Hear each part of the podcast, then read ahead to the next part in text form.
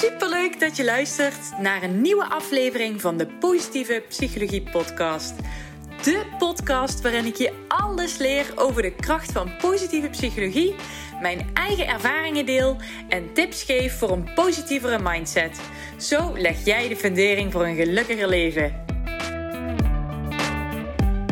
Hoi, lieve lieve luisteraars. Welkom bij een nieuwe aflevering van de Positieve Psychologie Podcast. Ik ben op dit moment in behandeling voor mijn kookverslaving. Uh, dus K-O-O-P, niet kook, dat witte spul voor in je neus. Ehm, en ik heb daar volgens mij nog niet heel veel uh, over gedeeld op de podcast. Uh, maar het is best een intensief traject. Ik heb één keer in de week een gesprek met mijn behandelaar. Een gesprek van een uur en twintig minuten. Ik heb daarbij huiswerk en ik woon elke week twee groepen bij. Eén uh, groep van Trubendorfer. Trubendorfer is een instantie waar ik in behandeling ben. En dan nog één externe zelfhulpgroep. Um, waarbij ik met die zelfhulpgroep extern nog een beetje aan het zoeken ben wat nou precies bij mij past. Um, dus ja, best wel een intensief en pittig uh, traject. Kost veel van mijn tijd en uh, ook mijn energie. En um, ik ben al op dit moment bezig met een thema waar ik jou eigenlijk graag ook iets over wil vertellen. Um, want ik denk dat het een heel belangrijk thema is. En wat ook nog niet zo aan bod is gekomen in de podcast. Omdat uh, ik zelf ook nog nooit op dit niveau bezig uh, ben geweest. Um, ik heb het heel vaak gehad over uh, gevoelens te laten zijn. En over gevoelens toelaten. Um, maar ik ben nu zelf persoonlijk bezig met een diepere laag. En dat is gevoelens uh, doorvoelen. Gevoelens voelen. Um, dus nog anders dan wat ik heb gedaan. Dus eigenlijk wat mij altijd hielp, is gewoon het, het, de emotie erkennen. Van hoi emotie, ik zie je staan. Hoi, kom binnen. En um, wees er in al je uh, heftigheid. Uh, daarna de bijbehorende gedachten om daarover te praten. Maar ik ben nu echt helemaal in dat soort emoties aan het duiken. En als ik heel eerlijk ben, uh, dan vind ik dat best wel lastig. Um, wow, ik ben even aan het zoeken waar ik het beste kan beginnen. Um, als ik één emotie, negatieve emotie noem die bij mij vaak de kop opsteekt, dan is het stress. Um, uh, dat is eigenlijk mijn trigger voor zowel mijn eetverslaving als mijn kookverslaving. En nu ben ik bezig met de vijf B's. Misschien ken je dat uit therapie, uh, misschien ook niet. Uh, de vijf B's staan voor blij, bang, boos, bedroefd en beschaamd. Oftewel de, onze vijf basisemoties. Um, toen mijn behandelaar me dit vertelde, moest ik meteen denken aan die, uh, die Disney-film Inside Out. Ik weet niet of je die, hebt gezien.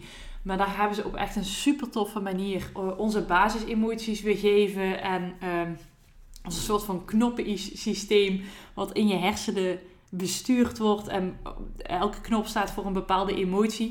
Ik vind het heel lastig om dit uit te leggen, maar deze film is echt zeker de moeite waard.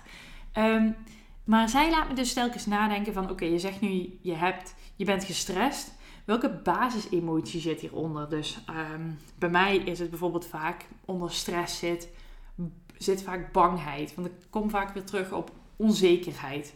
En onzekerheid is een soort van angst. Angst voor mensen, angst voor gedachten.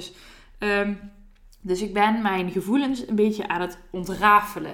Um, en ik wil het graag met je delen, want misschien is dit ook wel iets wat jij voor jezelf kan doen. Ik, ik vind het zelf heel waardevol om hiermee aan de slag te gaan. Heel moeilijk vind ik het ook, uh, als ik eerlijk ben. Dus um, als jij een bepaalde emotie voelt, ga dan eens kijken, ontrafelen me eens. Wat zit hieronder? Uh, onder welke van die vijf um, basisemoties uh, hoort die. Uh, je hebt ook nog online bijvoorbeeld Wheel of Emotions. Daar heb je verschillende emoties in zitten. Dus zoek eens wat het gevoel onder het gevoel is. Um, ik hoop dat dat een beetje logisch is. Maar um, ja, ik vond het echt wel een interessante om eens een keer bij stil te staan. Dus ja, nogmaals, daarom deel ik het met je. Misschien heb je er wat aan. Um, want hoe werkt dat nou bij mij? Uh, bij mij komt er een, een negatieve emotie op. Dus uh, voor mij is dat dan bijvoorbeeld stress. Uh, en een andere emotie wat voor mij een trigger is, is onvrede. Dus ik ben ergens niet blij mee en dan moet het anders en dan moeten er dingen gekocht worden of er moet gegeten worden om met dat gevoel om te gaan. Waar ik nu mee aan het oefenen ben, is om in plaats van te dempen, want dat is eigenlijk wat ik altijd heb gedaan, echt te voelen. Ehm, dus het niet oplossen met mijn verslaving, maar voelen. Accepteren dat het er is. En ja, ik heb dat altijd gedaan. Maar dit is voor mijn gevoel. Ik hoop, ik hoop dat je het begrijpt, maar ik, ik voel het wel echt oprecht zo. Ik hoop dat je begrijpt dat dit voor mij nu anders voelt. Ehm, ja, nou ja, goed. Misschien begrijp je misschien niet. maar um, mij werd gezegd in ieder geval, en die vond ik ook echt heel waardevol om te delen. Gevoelens willen niet opgelost worden, gevoelens willen gevoeld worden. Dus uh, ja, dat was echt zo'n soort van kwartje wat bij mij viel. Misschien valt het nu bij jou ook wel, maar ik ben altijd bezig geweest het op te lossen.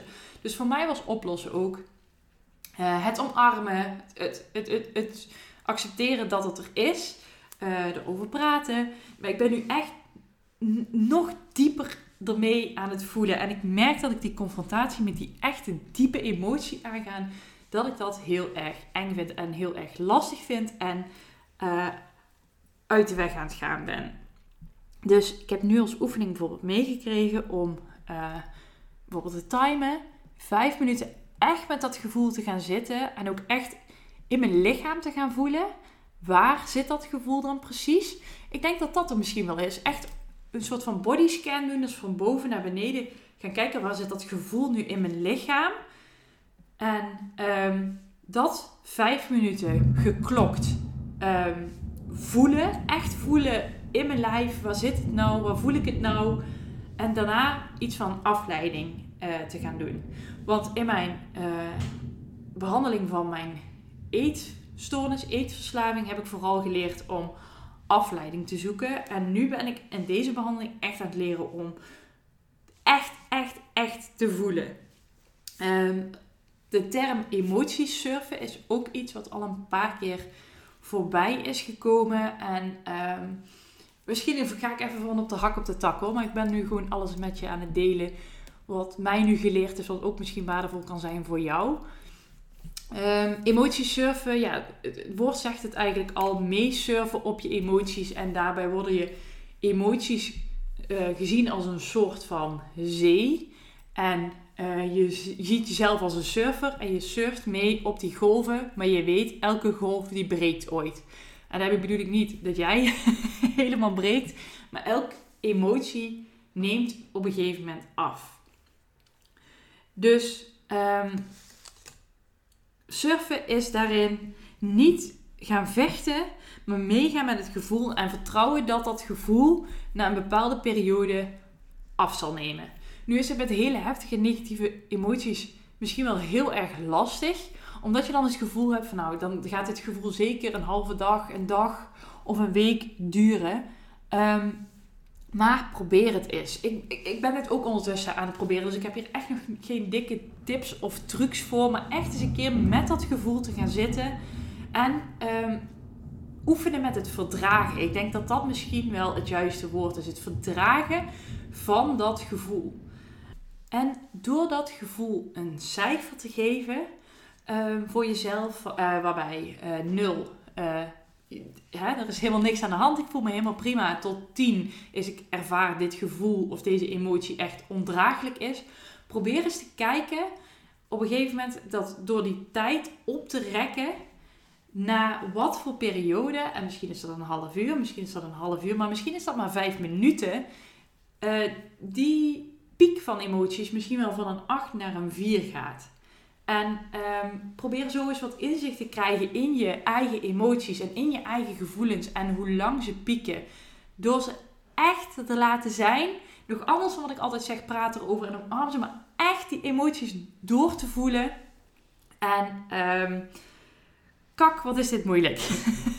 ik merk dat ik dat zo eng vind, omdat het zo, zo spannend vind. En ik heb ook gezegd tegen mijn behandelaar, dank je wel dat je me deze opdracht hebt gegeven. En um, ik, ik vind het echt heel moeilijk. Dus dat betekent dat ik er iets mee moet. En dat, hè, dat is wat ik dan zelf vind en voel. Um, Zo. Alweer als gek. Ik hoop dat je me nog een beetje kan staan. Ehm, maar ja, ik vind het een hele mooie uitdaging voor mezelf om, om deze uit te gaan. Want dat ik dat uit de weg wil gaan, omdat ik zo gewend ben om te dempen en daarna om afleiding te zoeken, is dat ik een beetje uit contact ben geraakt met mezelf. Ik weet niet of dat een goede term is. Ehm, dus ja, ja, een thema. Een thema waar ik op dit moment mee bezig ben, wat ik graag met je wil delen. En ik hoop dat je wat aan deze aflevering hebt gehad. Zo ja, deel het dan alsjeblieft eventjes in je story en vergeet me niet te taggen, zodat ik het kan zien. Zou ik echt heel leuk vinden.